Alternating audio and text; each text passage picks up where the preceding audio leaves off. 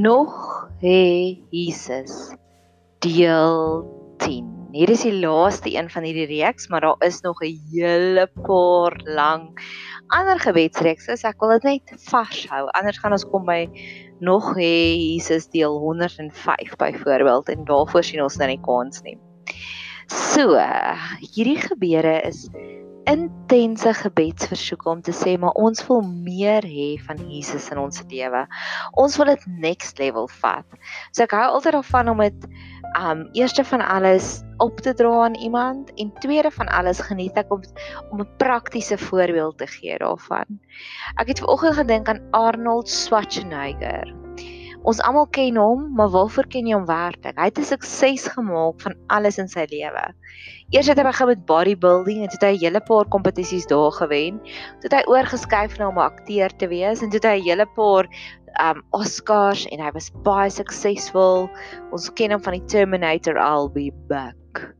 En dan laasens is hy nou politikus en hy gaan baie goed aan die politiek en hy was 'n goeie besigheidsman. En ek glo hoe meer intiem ons wandel met God, hoe meer sal hy vir ons daardie copy and paste suksesresep gee wat ons in elke faset van ons lewe kan inwerk.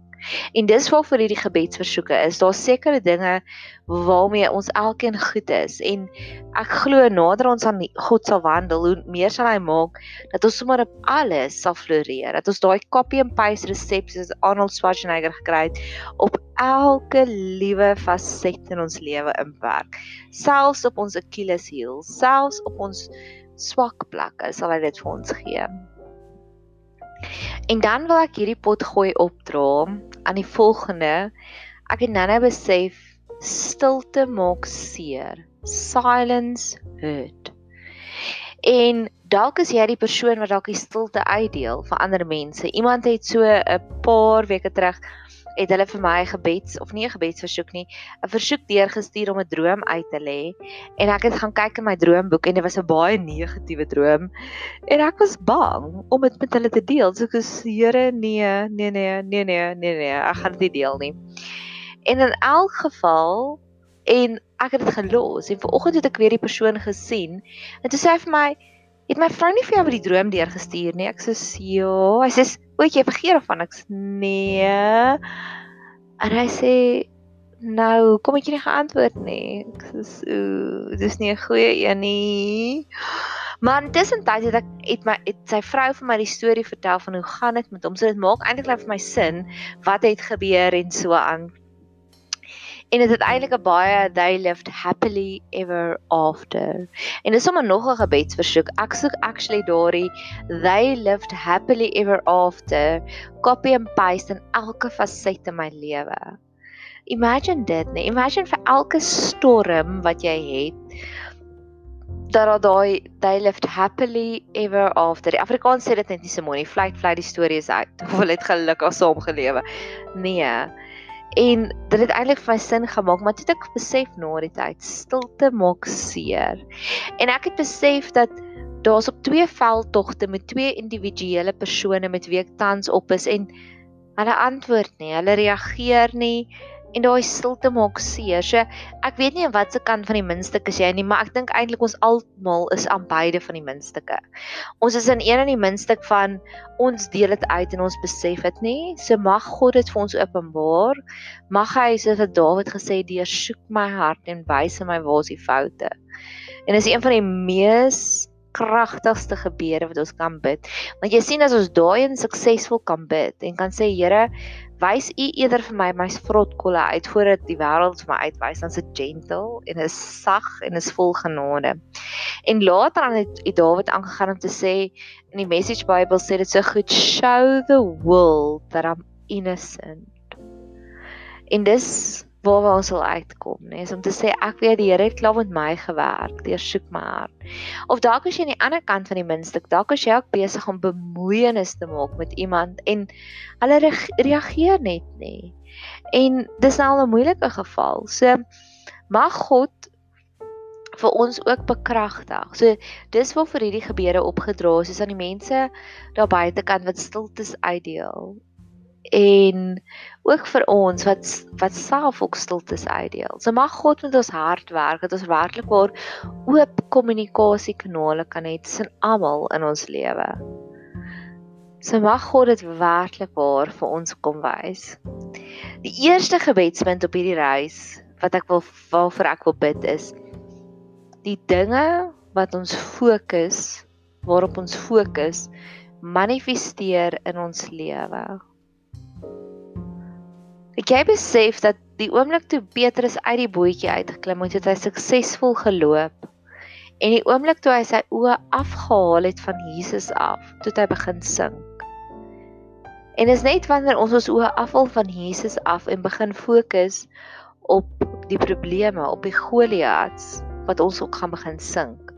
So mag God ons daagliks leer hoe om te fokus, hoe om die regte fokuspunte voor ons te hê eh, om te rolmodel om regte rolmodelle te hê. Ek het weer oor die naweek Eat Pray Love gelees en is al die soveelste keer wat ek dit hier lees en elke keer kry ek nuwe brokkies insig daaruit. Maar ek glo ook hoe meer ek die boek lees want ek is eintlik van nature 'n skrywer. Ek geniet dit verskriklik baie om te skryf.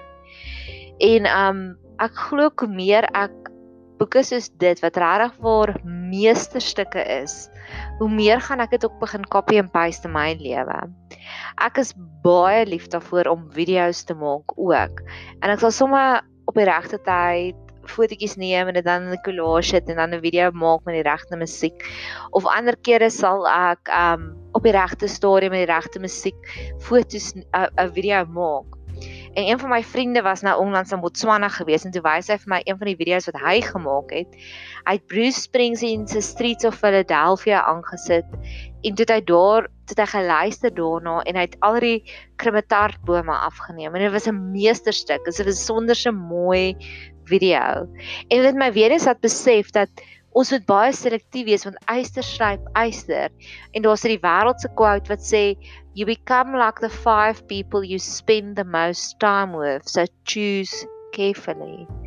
En dit het my weer eens laat besef dat die dinge wat voor ons is dis wat ons gaan word ons gaan copy and paste dit wat voor ons is so ek glo dis hoekom dit so belangrik is om om die lewens op te gaan swat van mense wat regtig ware merkwaardige verskil gemaak het in die lewe. En om nie net huisgenoot skandaal stories te lees nie. En die laaste verhaaltjie wat ek wil deel op ons moet seker maak dat dit wat voor ons is dat dit konstruktief is, dat dit opbouend is, is die verhaal van Joos, ag van Jakob en die stokke. Um dit is die verhaal wat in Genesis 30 is. So ek gaan dit gou-gou opsoek. Die ag, wag, wag. Hier was hy. Ek het hom gister oorgemaak want ek het eintlik beplan om dit gister te doen, maar toe het ek dit nou nie. So, Genesis 30 en in die Boodskap Bybel verduidelik hulle dit baie goed. Um op hierdie stadium was Jakob het by sy oom gebly Laban. Hy het klaar sy twee vrouens getrou en die stringkinders begin maak. Hy het klaar vir Rachel en Lea getrou. En toe het hy vir die vir die oom Laban gesê hy wil teruggaan na sy huis toe. En op daai stadium toe sê hy vir die oom Laban al die bokke, beeste en skape dink ek wat skolle en strepe op het, daardie bokke wil hy kry. En toe het oom Laban hom eers bietjie verneek en al die strepe en um kolle bokke en beeste en skape uitgehaal uit die trop uit. En toe toe het Jakob hierdie slim plan gemaak ver weg en dis van 37 vers 37 af. Ver weg van Laban af het Jakob sy eie ding gedoen. Hy het die jong lote van populiere amandel en plataanbome gevat en dit afgeskil totdat daar sulke wit strepe op die lote was. Hy het toe die lote met die wit strepe by die waterplekke gesit. As die vee kom syp het, was die lote reg voor hulle. Omdat die bokke en die skape by die waterplekke gepaar het, het Jakob hulle tussen die lote bymekaar laat kom. So dis nou hierdie stokke met die strepe op wat hy nou gemaak het. So het die baie bokke en skape met spikkels en strepe gekry. Die ooe het Jakob apart gehou en hulle by Laban se gespikkelde en gestreepte vee gebring. Op hierdie manier het Jakob vir homself 'n baie sterk kudde opgebou. Hy het dit weggehou van Laban se vee. Vers 41. Wanneer die sterk diere gepaar het, het Jakob die lote voor hulle in die krippe gesit en dit het hulle vrugbaar gemaak. Maar hy het nie die lote by die swak diere gesit nie. Op dië manier het Laban die swakkes en Jakob die sterkes gekry. Jakob het al hoe ryker geword. Hy het baie klein vee, slawe, slawe, kamele en donkies gehad. So met ander woorde wat Jakob gedoen het, is hy het hierdie hierdie stokke gevat en stippels en spits um stippels strepe en spikkels daarop gesit. En dan as daar sterk een kom dan hou hy dit voor hulle en dan die babietjies wat hulle gekry het of spikkels of strepe opgehaal.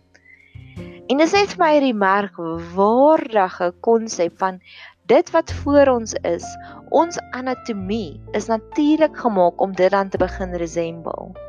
En dit het my weer eens wat dink aan Moses wat geskyn het elke keer wat hy tyd saam met God spandeer het want dit wat voor hom was, het hy begin manifesteer in sy eie lewe. En ek glo dis hoekom dit so belangrik is om ons gedagtes te kies daagliks. Om daagliks te besluit Maar dis wat ek wil wees. Ek wil die verskilmaker wees. Ek wil nie net nog 'n nommer wees nie. Ek wil die lig van die van van die wêreld wees.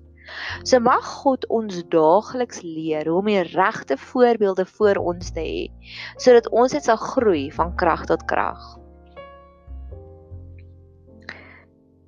Die volgende storie, die volgende gebedspunt wat ek wil bid. Haha. Dit is 'n uitdagende een. en dit is 'n baie interessante een en weer eens het ek nog nooit in my lewe eintlik 'n preek of 'n teaching op hierdie onderwerp gedoen nie of gehoor nie. Ek wil vir jou 3 stories vertel van slaap in die Bybel. In die wêreld praat hulle van hipnose. Maar vertel gou, ek wonder wat was die verskil tussen hierdie 3 voorbeelde en hipnose soos ons dit vandag ken. Die eerste een is Genesis 2 vers 21. Ons gaan heel aan die begin toe het die Here God 'n diepe slaap op die mens op Adam laat val. En terwyl hy slaap, het hy een van sy ribbebene geneem en die plek daarvan met vlees toegemaak. 'n Diepe slaap. Ek het al gedog dis 'n tipe van narkose wat hy vir die eerste narkose wat hy gegee het. En die dieper betekenis is elke keer gebeur daar iets en dan's daar iets wow na die tyd. So wat vir my belangrik is van die van die diepe slaap met Adam is um deur die trauma om 'n rib uit hom te haal het God hom laat slaap. So dis my eerste gebedspunt dat deur die grootste traumas in die lewens mag God ons comfortably numb maak sodat ons nie einde moet voel wat dit bestem is om te voel nie. En toe hy wakker word, het hy 'n lewensmaat. En na elke keer van hierdie of ons dit 'n hipnose wil noem of ons dit 'n trance wil noem of ons dit narkose wil noem, wat ook al dit ons wil noem, elke keer was hulle verryk na hierdie episode. Dan die volgende een, Handelinge 10 vers 10, wil ek vir jou lees. En dan gaan ons nou lees van die verhaal van Petrus en die Kornelius. En hy, Petrus, vers 10, het baie honger geword en wou eet. En terwyl hulle besig was om klaar te maak, het daar 'n verrukking van sinne oor hom gekom. Die Engelse Bybel vertel hy fell into a trance. En God het daar met hom gepraat en vir hom visioene gewys van al die diere wat op die een um blad was en hy het tot nuwe insigte gekom. En dit was eintlik ook ek kan nie glo ek het dit gemis nie.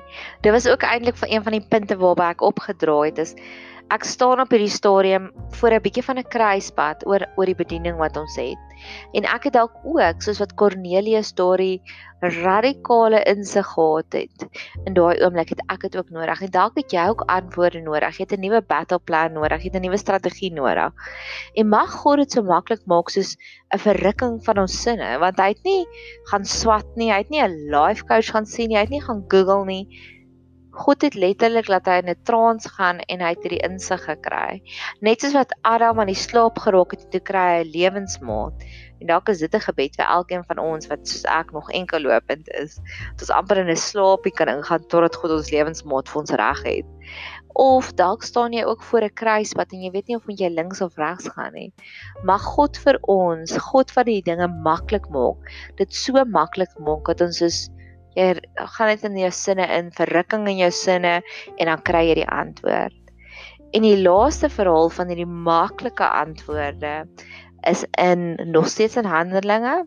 Handelinge 22 vers 17. Dis nou Paulus wat hier skryf. En toe ek in Jerusalem terugkom het en besig was om in die tempel te bid, het ek in 'n verrukking van sinne weer eens gekom en hom met 'n hoofletter Jesus gesien. En hy het vir my gesê maak gou en gaan hastig uit Jerusalem uit want hulle sal jou getuienis aan my nie aanneem nie So, weer eens, hy was op by kruispunt. Hy het nie geweet of moet hy links of moet hy regs gaan nie. En God het aan hom openbaar of Jesus het aan hom openbaar in daardie verrukking van die sinne. En dit is my so wonderlik hoe hierdie God wat ons dien vir ons antwoorde so maklik gee. As ons net werklik waarop soek is na hom. Soos om te gaan slaap en dan kry jy die antwoord. Ek het ver oggend met iemand 'n gesprek gehad en sy is deur 'n baie intense rouproses. En sy het my vertel die die begrafnis was Saterdag en sy het my gister vertel sy sê sy het vandag vir 2 of 3 ure gaan lê en slaap. En ek het wel gesê dis normaal. Onthou net om te rou maak ons baie moeg. So dis normaal om dan meer te slaap, meer te rus. Want ek glo dis in daardie slaapies wat hierdie soos wat vir Adam gaan slaap het en daar het hy lewensmaat gekry. Soos dit Petrus op pad was na lunch toe en toe kry hy die aha epifanie oomblik. Soos wat Paulus in Jerusalem was wat God vir hom in daai slaapie kom die antwoord gee het. Dis die wonderlike God wat ons dien. Hy wil nie hê ons moet hard werk vir die antwoorde nie. Hy sal sommer die antwoorde vir ons kom gee in ons slaap. So mag ons net meer en meer vir God op so 'n radikale manier ontmoet. Skus tog. En mag ons net meer vir God op so 'n radikale manier ontmoet soos dit.